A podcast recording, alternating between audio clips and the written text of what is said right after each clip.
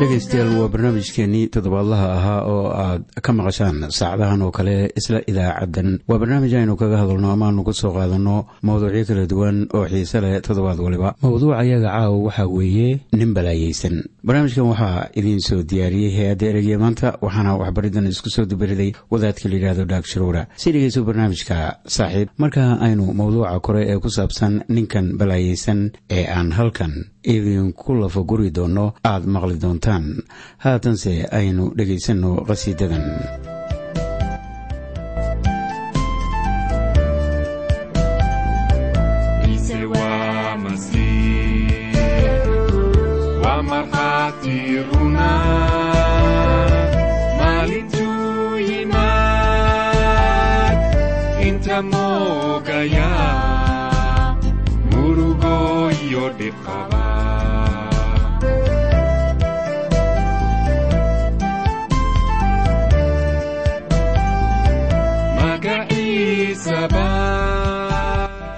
miyaad weliga ilduuftay kadib markii aad aragtay qof kale oo ay kula noqotay in qofkaasi haysto nolol kaamila laga yaabo inaad dugsi sare ku jirtay oo mid ka mid a ardayda uu kuula muuqdo nin aad wax u yaqaana ama garanaya oo imtixaanaadka oo dhan ka gudba oo aad jeclaysatay inaad sidiisa oo kale u fahmad badnaato. Laga yaabo inaad taqaano shakhsi jaalkaaga ah oo aad wada shaqaysaan oo kaaga fara fudud howl kasta oo ay ku niyo jebisay ama ku cajabisay howlkarnimadiisa oo ay kuula ekaatay sida in wax waliba uu sameeyo ay kaamil yihiin.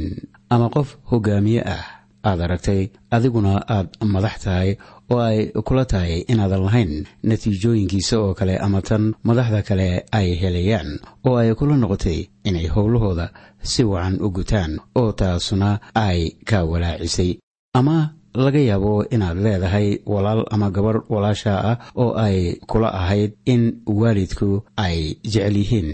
Oo iyaguna ay waalidka xamaasadtaada ka badan geliyaan. Haddaba waa wax sahlan in aad xaasid ku noqoto shakhsiyaadkaas kale oo ay kula noqoto in dadka kale ku nool yihiin nolol kaamila marka ay halkaa joogto anigu waxaan aad u jeclahay warqaddii rasuul boolos u qoray dadka reer rooma cutubka toddobaad iyo kan sideedaad oo lagu sheego rasuul sare. Ninkan oo masiixiyiintu ay ku daydaan oo shakhsiyaadka qaarna ay aaminsan yihiin inuu ahaa hormuudka masiixiyiinta oo xaqiiqatan ahaa nin walwalsan oo rumaysadkiisa qilqiil uu ku jiray. Midda uu kugu odhan lahaa sida barta haddii aad kala hadli lahayd sida inuu yahay hormuudka masiixiyiinta. Waxa uu kugu odhan lahaa fikirkaas ha aaminin hadday kula tahay in rumaysadkaygu kaamil yahay. Waxaan garanayaa ka bilaabata warqaddii rasuul bawlos u qoray reer rooma cutubka toddobaad aayadda koob iyo labaatanaad. Waa marka bawlos ka hadlayo sida uu ula rafanayo dembiga maalin kasta. Waa wax xiise leh waayo waxa uu isticmaalay oo yidhi waxaan ahay nin balaayeysan waxaan u haysanaa inuu yahay nin guulo ka soo hoyey iimaanka oo xoog iyo dhiiranaan ugu wacdiyey injiilka. Nalama ahan sida in uu ahaa nin balaayeysan balligeyso waxa uu leeyahay marka aan idiin akhriyayo warqaddii reer rooma cutubka toddobaad aayadaha koob iyo labaatan ilaa cutubka sideedaad aayadaha hal ilaa laba oo leh sida tan haddee waxaan arkaa qaynuunka in shar ila jiro inkastoo aan doonayo inaan waxa wanaagsan sameeyo waayo sharciga ilaah ayaa aan kaga farxaa ninka gudaha ah laakiin waxa aan xubnahayga ka arkaa qaynuun kale. Isagoo la dagaalamaya qaynuunka maankayga oo maxbuus iiga dhigaya qaynuunka dembiga oo xubnahayga ku jira. Nin balaayeysan baanahay yaa iga furan doona jirkan dhimashada leh. Waxaan ilaah uga mahadnaqayaa inuu rabbigeeni ciise masiix ugu furan doono. Sidaas daraaddeed aniga qudhaydu waxaan maankayga ugu adeegaa sharciga ilaah laakiinse waxa aan jirka ugu adeegaa qaynuunka dembiga. Sidaas daraaddeed oo kuwa ciise masiix ku dhex jira haatan xukun ma laha waayo qaynuunka ruuxa nolosha ee ku dhex jira ciise masiix ayaa iga xoreeyey qaynuunka dembiga iyo dhimashada. Waxaa rasuul bawlos uu ka hadlayo waa laba mabda amase labo awoodood oo isaga ka dhex shaqaynaya. Mid waa ruuxa ilaah ee soo galay markii uu rumaystay ciise masiix oo isaga dhammaantiiba waa la bedelay waxaana uu noqday mid mar kala dhashay iyo qof cusub oo aan ku hoos jirin xukunka shayddaanka iyo dembiga. Laakiin waxa uu haatan noqday nin ilaah ka cabsada ama muumin ilaah. Isla sidaasi oo kale ayaan adigana kugu soo dhoweynaya masiixa oo haddii aad maqashay hadalka cusub in masiixu yimid dunida oo uu badbaadiyey dembiilayaashan. Adigana noloshaada ku wareeji si lagu badbaadiyo. Daraje isaga oo ka dhig sayidkaaga iyo badbaadiyahaaga oo yeelo farxadda dhalashada labaad iyo inaad yeelato bilow cusub. Dembigaagana kol dambe ilaah ku saari maayo laakiin wuu kaa cafinayaa. Taasina waa waxa bawlos uu ka hadlayo waa awoodda ama sharciga nolosha ee ku jira jirka waana kan dembiga leh. Waxaana la leeyahay waa inaan maalin waliba dembigeenna isku tallaabta saarnaa oo dembiguna sahal ku dhammaan maayo. Waa inaan si joogto ah dembiga jirkeenna ku jira u dilnaa. Taasina waa sababtii bawlos u lahaa laakiin waxaan xubnahayga ka arkaa qaynuun kale isaga oo la dagaalamaya qaynuunka maankayga oo maxbuus iiga dhigaya qaynuunka dembiga oo xubnahayga ku jira. Innagu gebi ahaanbaa xor kama nihin dembiga ilaa aan gaarno ammaanta daa'imiska ah. Haddii kale marka masiixu soo laabto oo uu la yimaado nabaadinadiisa meelaha jannada. Amase markii aan dhimanno oo mar kale laynagu saro kiciyo nolosha cusub ee jirka ammaanan sida ku qoran warqadii koowaad ee rasuul bawlos u qoray dadka reer korintos cutubka shan iyo tobanaad. Haatanse bawlos waxa uu isugu yeeray nin balaayaysan waa wax lagu qoslo sida aynu mararka qaar dadka kale u qaadanno ama ugu yeerno waxaan ka aaminaa fikir khaldan dadka qaar oo waxa ay inala noqonaysaa sida in noloshooda ay ka barako badan tahay teenna ama ka hodansan tahay. Oo waxaan u qaadanaynaa sida in ilaa wax badan iyaga inaga jecel yahay. Waxaa kaloo xiise leh sida aynu isaga dhaadhicinno sidaan nahay kuwo aan farxad lahayn ama dadka kale neceb. Haddaba taasi kama dhex shaqayso masiixinimada. Xaqiiqatan bawlos waxa uu la hadlay kiniisadii reer korintos oo cutubka koowaad ayaa uu arrinkaasi si faahfaahsan kaga hadlay. Waa arrinka ku saabsan waxa reer korintos ay wax u xasdaan iyo waxa ay qolaba qolada kale ula dagaalsan tahay. Waxaana taasi ugu wacan inay iyaga uun isnecab yihiin oo midba kan kale isla barbar dhigo intii ay masiixa raaci lahaayeen oo ku qanci lahaayeen wixii ilaah u sameeyey. Waxa ay ku mashquulsanaayeen dood aan macno lahayn oo ahayd anigu waxaan raacsanahay bawlos iyo anigu waxaan raacsanahay butros waa lolan dhexdooda ay isku kala qaybinayaan oo leeyihiin kanaan la jiraa iyo kaasaan la jiraa. Waxaana markii waxanoo kale la arko yimaada qanacsanaan la'aan waxa ay u badan tahay inaad samayso waa inaad noqoto midaan ku faraxsanayn nolosha iyo in aad fiiriso dadka kale oo ay kula noqoto inay haystaan nolol kaamila waxaan xusuustaa sannada ka hor mar xubin ka mida jameecada uu u yimi isaga oo xasaasiyad qaba. Noloshana kuma uusan qanacsanayn. Wuxuu ii sheegay inaanu garanaynin waxa ilaah dhibaatooyinkan iyo culaysyo oo dhan uu ugu fasaxay noloshiisa. Isaga oo hadalkiisa sii wataa ayaa waxauu yidhi qof hebel oo ka mida kiniisadda mar waliba waa faraxsan yahay oo waa nin caafimaad qaba dhibna ma qabo. Waxaan ku idhi macyaar bay kaa tahay. Waxay xaqiiqatan la ahayd in qofkaas uu haysto nolol kaamila. Anigoo markaa aan muujinaynin wixii uu igala hadlay ayaan ku idhi qofka aad ka hadlayso waxaa u socda xisooyin waano iyo talooyin ah ama kansaling oo waxaa dhib ka haystaa guurkiisa ninkii i yimi aad buu u yaabay waayo waxa ay la ahayd in shakhsiga wax dhibaatahaba uusan qabin sida dadka kale.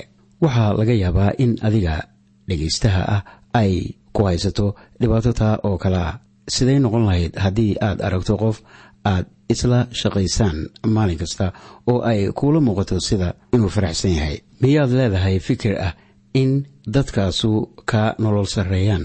Taasi waa wax aan waxba ahayn bawlos markii uu la loolamayey dembigiisa waxa uu yidhi waxaan ahay nin balaayaysan waxa uu la rafanayay markaasi dembigiisa. Waxaan haysanaa kalsooni iyo farxad markaan ogaanno inuu jiro ilaah ina soo furanaya oo masiixa dartii inagu saamaxay markaas ayaan helaynaa farxadda waana wax xiise leh. Anigu waxaan doortay masiixa noloshayda si aan qof waliba u marxabeeyo. Ahlaaba markaan qof la kulmo waan bariidiyaa oo barakeeya. Sababta aan u doonayo inaan barakeeyo waxa weeye in anigu aan ahay muumin ilaah ka cabsada. Waxaan helay nimcadiisa iyo jacaylkiisa iyo boqortooyadiisa. Waxaanan jecelahay inaan dadka la wadaago barakada ilaah. Dabadeetana markii qofi i weydiiyo sida aan dareemayo mar kasta waxaan ku idhaahdaa aad iyo aad baan u wacanahay sidaas ayaan idhaahdaa. Haddii qofi su'aal dahsoon i weydiiyana jawaabtu waxay noqonaysaa waan wacanahay. Sababtu waa maxay? Sannado badan ka hor ayaa waxa aan bartay sida dadka yuhuudda ahi ay dadka u salaamaan ama ay isku bariidiyaan. Su'aasha koowaad waxa ay tahay sidee tahay qofka yuhuudka ah waxa uu dadkiisa ugu jawaabaa jawaab suuban. Su'aasha labaad waxay noqonaysaa waa sidee noloshaada? Waa hagaag taasi jawaabteeda waxa ay noqon kartaa mid wacan ama mid aan farxadi ku jirin ama naaqusa waxa ay taasu ka macno tahay waa marka jawaabtu aysan wacnayne in ay shaqadooda lumiyeen. Amase haddii jawaab wanaagsani jirto in qofka iyo lamaantiisa ay isguursanayaan. Waxay noqon kartaa mid kororsiimana noqon karta naaqusna noqon karta. Muhiimaddu waxay tahay in salaantu ay noqonayso mid wacan noloshuna barakadaysan tahay.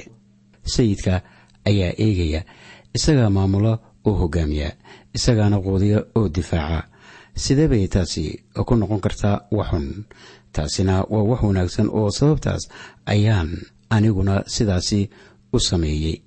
Markii qof i weydiiyo su'aal si kastoo aan dareemayaba noloshaydu way hagaagsan tahay masiixa dartiis.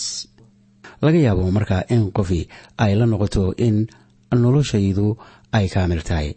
Haddaba u malayn maayo in noloshaydu ay kaamil tahay. Laakiin waxay arkayaan farxadda ciise masiix ee igu jirta. Adigana sidaa oo kale haddaad masiixa u timid waxaad muujin kartaa farxadda sayid ciise masiix. Waxaanaad yeelanaysaa kalaam wanaagsan oo aad dadka ugu jawaabto oo deggan ama nabdoon. Anigu jawaabteyda waa excellent. Haddii lay bariidiyo ama waan wacanahay. Adigana sidaasi oo kale la imow kelmaddaada jawaabta ah sida inaad tidhaahdo hagaag cajaa'ib iyo wixii la mid ah. Ilaa naga dooni maayo inaan fiirsanno dadka kale oo aan ilxaasidnimo ku egno iyadoo ay inala tahay in nolosha qofkaa kale ay kaamil tahay. Gunta xaajadu waxa weeye inaan la mid nahay rasuul boolos oo innaga oo dhan waxaynu nahay dad balaayeysan oo dembiilayaala oo u baahan in laga xoreeyo awoodda dembiga nolosheenna. Waa wax fudud in loo yeerto masiixa oo la weydiisto inuu inaga buuxiyo ruuxiisa iyo inuu ina xoreeyo oo uu ina siiyo nolol cusub si ilaah inuu hoga tusaaleeyo. Adigu marnaba ma noqon kartid qof kaamila qof noqon karana ma leh inta uu dunida joogo laakiin waxaad lahaanaysaa farxadda garashada ee ah in noloshaada uu maareeyo ciise masiix waxaad ku noolaan kartaa saamaxaaddiisa oo waxaad heli kartaa xasiloonidiisa markaad fahamto in aad ku sii jeedo dariiqa jannada ee daa'imka ah